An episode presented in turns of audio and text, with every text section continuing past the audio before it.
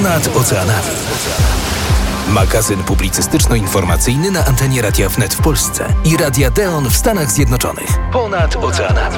Nasi korespondenci po dwóch stronach świata informują i analizują aktualne wydarzenia. Ponad oceanami. W każdy czwartek o 15.30 w Warszawie, Krakowie, Wrocławiu i Białymstoku.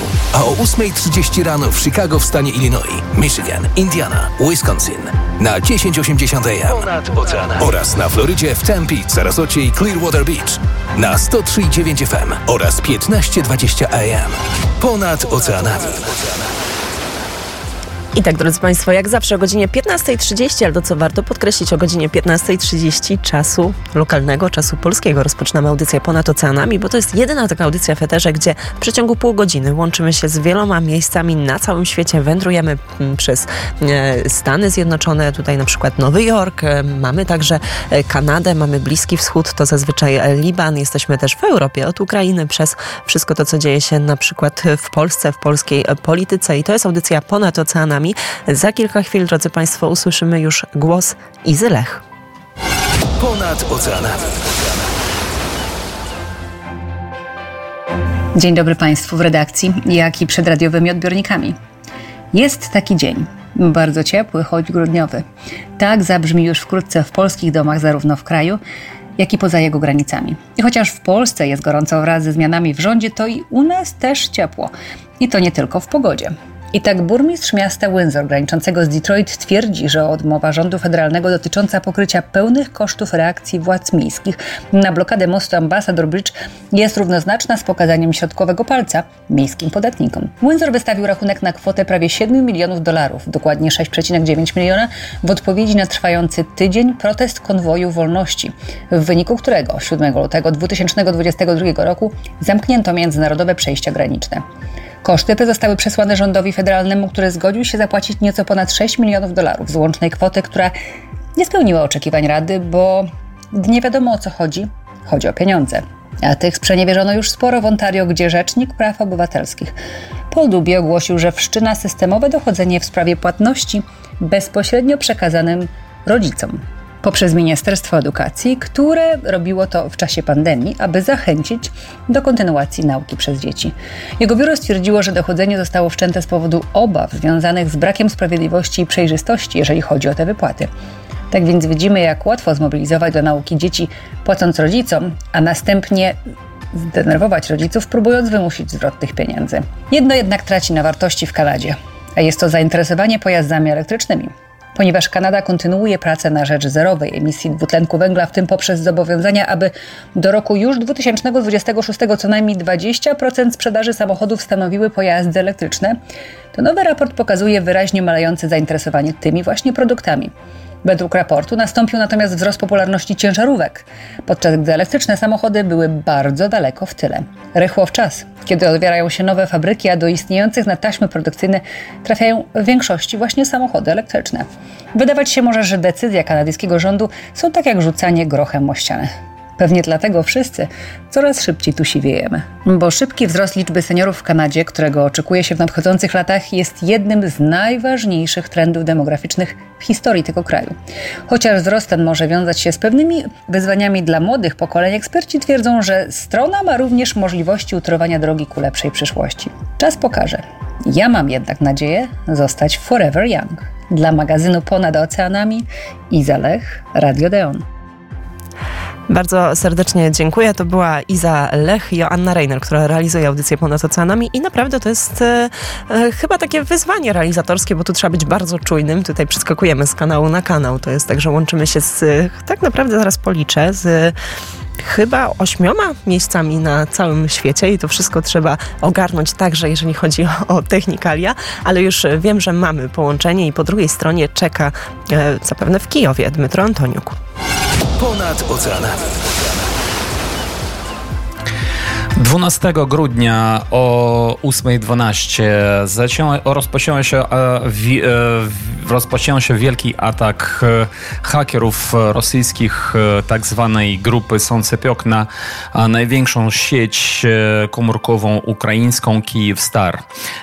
Nie działały telefony w całej Ukrainie, u komórkowe telefony w, u większości chyba mieszkańców Ukrainy, u mnie również i większej połowie mojej rodziny. I to spowodowało, że też e, na ulicy też u ludzi nie było w telefonach e, internetu, internetu komórkowego. I to e, no, nie było paniki, ale to było bardzo skomplikowane od razu dla mieszkańców Ukrainy, więc od razu też Ukraińcy zaczęli przechodzić, kupować simki innych operatorów sieci komórkowych E, co spowodowało też e, komplikacje w działaniu e, tych operatorów. Ta ten atak na Kijów Star e, według, e, według e, rzecznika tej kompanii jest bezprecedensowy w, w historii światowej w ogóle. To zacytowałem i że to w, w, wznowienie działa, działalności w, peł, w pełni tej kompanii, te, tego związku jest jeszcze nadal prowadzone, czyli teraz już kilka godzin temu, e, po e, prawie dwóch dniach, po więcej jak dwóch dniach e, od tego, że nie, by, nie mieliśmy tego związku komórkowego, a teraz już jego mamy, ale jeszcze nie mają wszyscy tego internetu mobilnego. No, ale z, życie trwa i co ciekawe, że teraz obserwujemy w Kijowie niezwykłą e, miłośników teatru. E, na e, przyszły styczeń po prostu absolutnie już nie ma biletów chyba we wszystkich teatrach miasta Kijowa i to jest absolutnie niezwykła sytuacja. Nowa nowy spektakl, który nazywa się Konotopska Widma, czyli Czarownica Konotopska, był na tyle popularny w internecie jego bilety, że po prostu padł padła strona tego e, teatru imieni Franka, Franki w e, Kijowie i kupić bilet teraz na, tą, e, na, na ten spektakl jest po prostu niemożliwe. I co ciekawe, że część z kasy, która, którą dostaje teatr, idzie też na wspieranie wojska ukraińskiego. Oprócz tego ważne powiedzieć, że pod koniec pod koniec e, e, roku e, zawsze budżetowe organizacje, czyli państwowe organizacje, które nie wykorzystali jakichś swoich pieniędzy zgodnie z, z, z prawem ukraińskim, muszą te, te pieniądze po prostu w, oddać z powrotem do skarbu państwa. I teraz, skoro ludzie są przeciwko temu, żeby za te pieniądze budżet, budżetowe w różnych rejonach, miastach ma, małych budowali się drogi albo stadiony, jak to było wcześniej, bo teraz e, przeciw tego protest, protestują też w Kijowie. Dzisiaj był taki protest. To e, miejscowe władze po prostu decydują, żeby te e, pieniądze nie oddawać z powrotem do Skarbu Państwa, a jednak przeznaczyć ich na e, wojsko, jak to i musi być. Specjalnie dla magazynu Ponad Oceanami Dmytro Antoniuk, e, Studio Kijów. Dmytro Antoniuk i Studio Kijów, a ja tylko przypomnę, że wszystkich tych korespondencji Studia Kijów mogą Państwo wysłuchać na naszym portalu www.wnet.fm. To był Dmytro Antoniuk prosto z Kijowa, a teraz, e, drodzy Państwo, łączymy się z Tampą, z Florydą, bo tam czeka już Ewa Generalczuk. Ponad oceanami. Witam serdecznie, Jaśmino, Ciebie i wszystkich słuchaczy magazynu Ponad Oceanami ze słonecznej i wiecznej Florydy. Gubernator Florydy Ron DeSantis przedstawił swój plan narodowego programu wyboru szkoły, jeśli zostanie wybrany na prezydenta, wykorzystując reformę podatku dochodowego od osób prawnych. W Stanach Zjednoczonych obowiązuje federalna stawka podatku dochodowego od osób prawnych w wysokości 21%. Gubernator powiedział, że podobnie jak w przypadku systemu na Florydzie, chciałby, aby firmy mogły odhaczyć pewną kwotę swoich podatków, aby przeznaczyć je na wybrane szkoły. W wywiadzie dla Iowa PBS DeSantis powiedział, że sumy pieniędzy odpisane od podatku trafiłyby w ten sposób do funduszu stypendialnego zamiast do rządu. Gubernator powiedział, że kwota potrzebnego finansowania byłaby zaledwie pyłem budżetowym w porównaniu z potrzebami, mm, jakie ma kraj, mówiąc, że wystarczyłoby zaledwie 25 do 50 miliardów dolarów. W roku 2022 w Stanach Zjednoczonych podobno zebrało, mm, zebrano około 425 miliardów dolarów podatków właśnie od osób prawnych. DeSantis powiedział niedawno, że prawie 430 tysięcy mm, studentów na Florydzie złożyło wnioski o stypendia w ramach stanowego stypendium Tax Credit i programu stypendialnego Family Empowerment. Tymczasem stanowa Rada Lekkoatletyczna Florydy ukarała szkołę średnią zawieszeniem i grzywną po tym, jak transpłciowa uczennica zagrała w drużynie siatkówki dziewcząt, co stanowi naruszenie prawa uchwalonego przez gubernatora Rona DeSantisa i legislaturę. Florida High School Athletic Association nałożyło grzywnę w wysokości 16,5 tysiąca dolarów. Nakazało dyrektorowi szkoły i dyrektorowi sportowemu udział w seminariach na temat zasad i umieściło podmiejską szkołę w Fort Lauderdale w zawieszeniu na 11 miesięcy, co oznacza, że dalsze naruszenia mogą prowadzić do zwiększenia kar. Stowarzyszenie zabroniło również dziewczynce udziału w sportach chłopców przez 11 miesięcy. Ustawa z 2021 roku, którą zwolennicy nazwali ustawa o uczciwości w sporcie kobiet, zabrania tra transpłciowym dziewczętom i kobietom gry w drużynach szkół publicznych przeznaczonych dla uczennic sportowców zidentyfikowanych jako dziewczęta przy urodzeniu. I na koniec mała ciekawostka dla naszych słuchaczy. Ekstremalnie rzadki biały aligator o niebieskich oczach wykluł się w Gatorland w Orlando. Samiczka mierząca niecałe 49 cm i ważąca nieco ponad 96 gram już zapisała się w podręcznikach historii jako jedna z zaledwie ośmiu znanych aligatorów o takim ubarwieniu na świecie. Urzędnicy Gatorland twierdzą, że to, pierwsza, że to pierwszy biały aligator e, leucystyczny urodzony pod opieką człowieka. Aligatory o takim ubarwieniu po raz pierwszy odkryto na bagnach Luizjany w 1987 roku.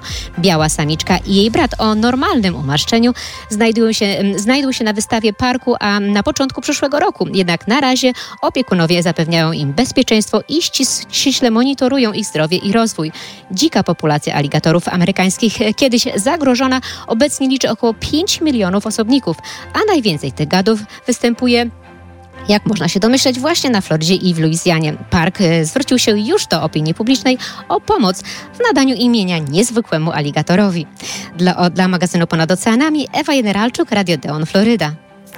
Bardzo serdecznie dziękuję Ewo Jeneralczuk, prosto z Florydy. Gdybyście wy Państwo wiedzieli, co tutaj po prostu się czasem wyprawia, to jest tak, że ludzie przychodzą do studia, często są, e, a zresztą czemu ja będę to zdradzać? Jeżeli chcielibyście dowiedzieć się, jak wygląda radio od kuchni i chcielibyście e, wiedzieć nieco więcej i budować te media razem z nami, to warto zajrzeć na nasz Patronite, patronite.pl ukośnik radio wnet. Ja teraz, drodzy Państwo, spojrzę na, dalej na naszą rozpiskę po Ewie Jeneralczuk, czyli po Florydzie błyskawicznie wędrujemy prosto do Londynu. Tam czeka już Aleks Sławiński. Ponad oceanami.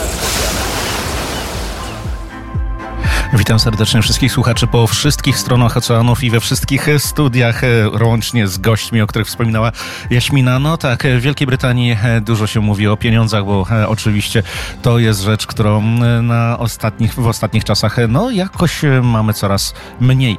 Okazuje się, że Bank of England po raz kolejny utrzymał te same stopy procentowe, które wynoszą 5,1%. Istniały głosy, by znowu podnieść podnieść e, tę ratę. Jak na razie mamy najwyższą e, stopę procentową od 15 lat. Z dziewięciu członków e, Rady Bank of England sześciu głosowało za tym, żeby pozostawić taką samą, jaka jest. Trzech natomiast chciało podwyżki do 5,5%. Czemu to ma służyć? Otóż dalszemu zgniataniu inflacji. Co prawda inflacja w Wielkiej Brytanii jest odrobinę niższa niż w Polsce, no ale też mamy trochę inne warunki finansowe tutaj, więc jak na razie przyglądamy się temu. To była już trzecia próba podwyższenia podatków stóp procentowych w Wielkiej Brytanii. Na szczęście na razie pozostajemy w tym samym e, momencie i nie wygląda na to, żebyśmy mieli podnieść e, stopy procentowe po raz e, kolejny. Tymczasem okazuje się, że mamy trochę większe problemy. Tradycyjnie NHS, czyli Polska Brytyjska Służba Zdrowia, no, jest dosyć dychawiczna, a w czasie zimy jest z nią coraz gorzej. Okazuje się, że właśnie ze względu na niedawne chłody obsługa e, pacjentów przywożonych przez ambulanse została wydłużona. Do tej pory standardem miało być 15 minut czekania osób, które przyjechały ambulansem. Teraz w wielu miejscach e, okazuje się, że ten e, czas przekroczył 30 minut. Jest to w 80% szpitali i różnych ośrodków zdrowia, w których pacjenci zostają przywożeni. Na razie nic nie wskazuje na to, żeby miało się to zmienić, albowiem e, cały system w ogóle od, do, od długiego czasu się nie zmienia, e, mimo pompowania coraz większych pieniędzy. NHS e, poinformowało, że zatrudniło ogromną ilość nowych pracowników, którzy mają obsługiwać pacjentów. Okazuje się właśnie również, że tych pacjentów nam przybywa. Właśnie wczoraj wieczorem mieliśmy poważny wypadek w jednym z cyrków w Norfolk. Wypadek, wypadkowi uległ jeden z akrobatów. E, spadł z dużej wysokości podczas jednego ze swoich występów. Występy oczywiście natychmiast przerwano. Na pomoc jako pierwsi e, ruszyło dwóch mężczyzn, którzy są e, prawdopodobnie policjantami, więc przeszkoleni w pierwszej pomocy oraz jeszcze jeden paramedyk. Jak powiedział dyrektor cyrku, mężczyzna znajduje się w stabilnym stanie. E, ale no jednak e, będzie musiał przebywać w szpitalu dosyć długo. To wielka szkoda, e, albowiem no, w tym momencie wiadomo, że i w Polsce mamy niezły cyrk i niezłe igrzyska i w Wielkiej Brytanii, jak widać, no, tych igrzysk będzie teraz troszeczkę mniej dla mm, audycji ponad oceanami. Aleksander Sławiński, Studio Londyn, Radio Net. Bardzo serdecznie dziękuję. To Aleksander Sławiński oczywiście, czyli współgospodarz studia Londyn i tutaj też pozdrawiamy Izę, a teraz drodzy Państwo wędrujemy prosto do ojca Pawła Kosińskiego. Ponad oceanami. Witam, witam bardzo serdecznie wszystkich naszych słuchaczy.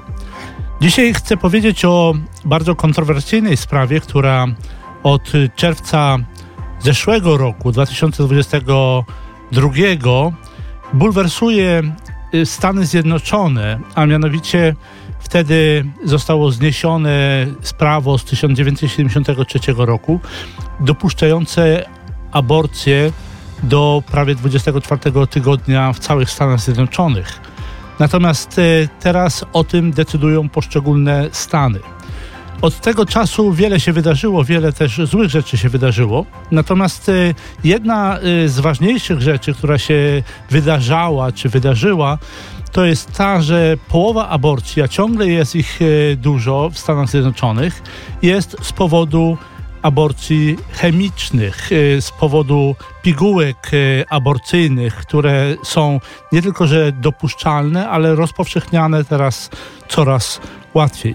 Dlatego też Sąd Najwyższy ogłosił, że ponownie rozpatrzy sprawę pigułki aborcyjnej, która może nałożyć nowe krajowe ograniczenia na aborcję. Około 900 tysięcy aborcji jest dokonywanych każdego roku w Stanach Zjednoczonych. Pół miliona z tych aborcji to są aborcje chemiczne. Sąd Najwyższy dokona przeglądu sierpniowego orzeczenia sądu niższej instancji, który nałożył ograniczenia na lek aborcyjny Mifepriston. Departament Sprawiedliwości prezydenta Bidena i producent leku aborcyjnego Danco Laboratories odwołali się od tej decyzji we wrześniu. Sąd przydzielił godzinę na ustne argumenty w sprawie o nazwie Alliance for Hippocratic Medicine versus Food and Drug Administration ze względu na możliwość ograniczenia stosowania leku, która odpowiada za ponad połowę wszystkich aborcji w Stanach. Oczekuje się, że sprawa ta będzie najbardziej kontrowersyjną sprawą aborcyjną od czasu, gdy Dobbs przeciwko Jackson obalił Roe vs. Wade y, w czerwcu zeszłego roku. Mifepristonem działa przez odcięcie składników odżywczych niezbędnych do przeżycia nienarodzonego dziecka, zasadniczo głodząc je na śmierć. Druga pigułka, zwana mizoprostolem, jest następnie połykana w celu wywołania skurczów i wydalenia martwego dziecka z macicy kobiety. W 2022 roku kilka grup pro-life i osób prywatnych reprezentowanych przez Alliance Defending Freedom pozwało Food and Drug Administration argumentując, że administracja nie dokonała właściwego przeglądu leku przed jego zatwierdzeniem i że jego dalsze stosowanie zagraża kobietom. Między innymi dlatego, że mogą być wysyłane pocztą bez wizyty u lekarza i bez nadzoru lekarskiego. I to jest główny zarzut, to jest y, główna, y, jakby główny powód tego, dlaczego ta y, sprawa się pojawia na nowo. Sąd Najwyższy ma to rozstrzygnąć. Dla magazynu Ponad Oceanami ze studia Radia Deon w Chicago ojciec Paweł Kosiński, jezuita. Bardzo serdecznie dziękujemy, a teraz drodzy Państwo na kilka chwil powędrujemy na Bliski e, Wschód. Izrael rozpoczął zalewanie podziemnych tuneli Hamasu. Taką informację przekazał The Wall Street Journal. Siły zbrojne Izraela e, rozpoczęły pompowanie wody do tych tuneli pod strefą gazy. Przypomnijmy, to są tunele, e, w których ukrywają się bojownicy Hamasu. To jest cała sieć tuneli, tak naprawdę, która rozciąga się niemalże na całej długości, szerokości, ale strefa gazy to też jest no, bardzo wąski pas między Egiptem, a właśnie e, Izraelem 40 km kwadratowych na 10 km. E, żyło tam ponad 2 miliony e, ludzi. To było, to było jedno z najgęściej zaludnionych miejsc na świecie i niemalże no właśnie dwupoziomowe, czyli na górze miasto, na górze budynki, a na dole tunele, w których bojownicy przerzucali, składowali broń, przez które się przemieszczali. Teraz wiadomo, że no, proces zalewania tych tuneli ma trwać kilka tygodni wzbudza on też mm, ogromne, ogromne kontrowersje. E, Wall Street Journal powołuje się na informacje urzędników Stanów Zjednoczonych zaznajomionych z działaczami izraelskiego wojska. Jak donoszą rozmówcy, mm, proces jest e, obecnie jeszcze na takim początkowym etapie. Mm, tak jak już wspomnieliśmy, ta operacja ma potrwać e, kilka dni, a jeżeli chodzi o te protesty, no to zalaniu sprzeciwiali się krewni zakładników wciąż przetrzymywanych przez Hamas. Istnieją bowiem poważne podejrzenia, że część zakładników właśnie przebywa też e, pod ziemią, czyli też przebywa w tych e, tunelach.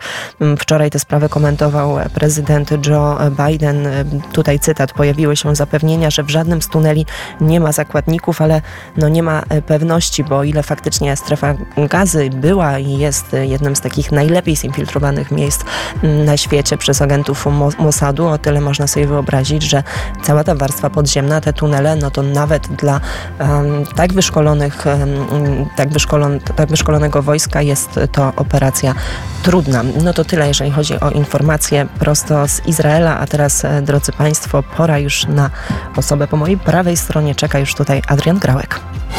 Ponad oceanami.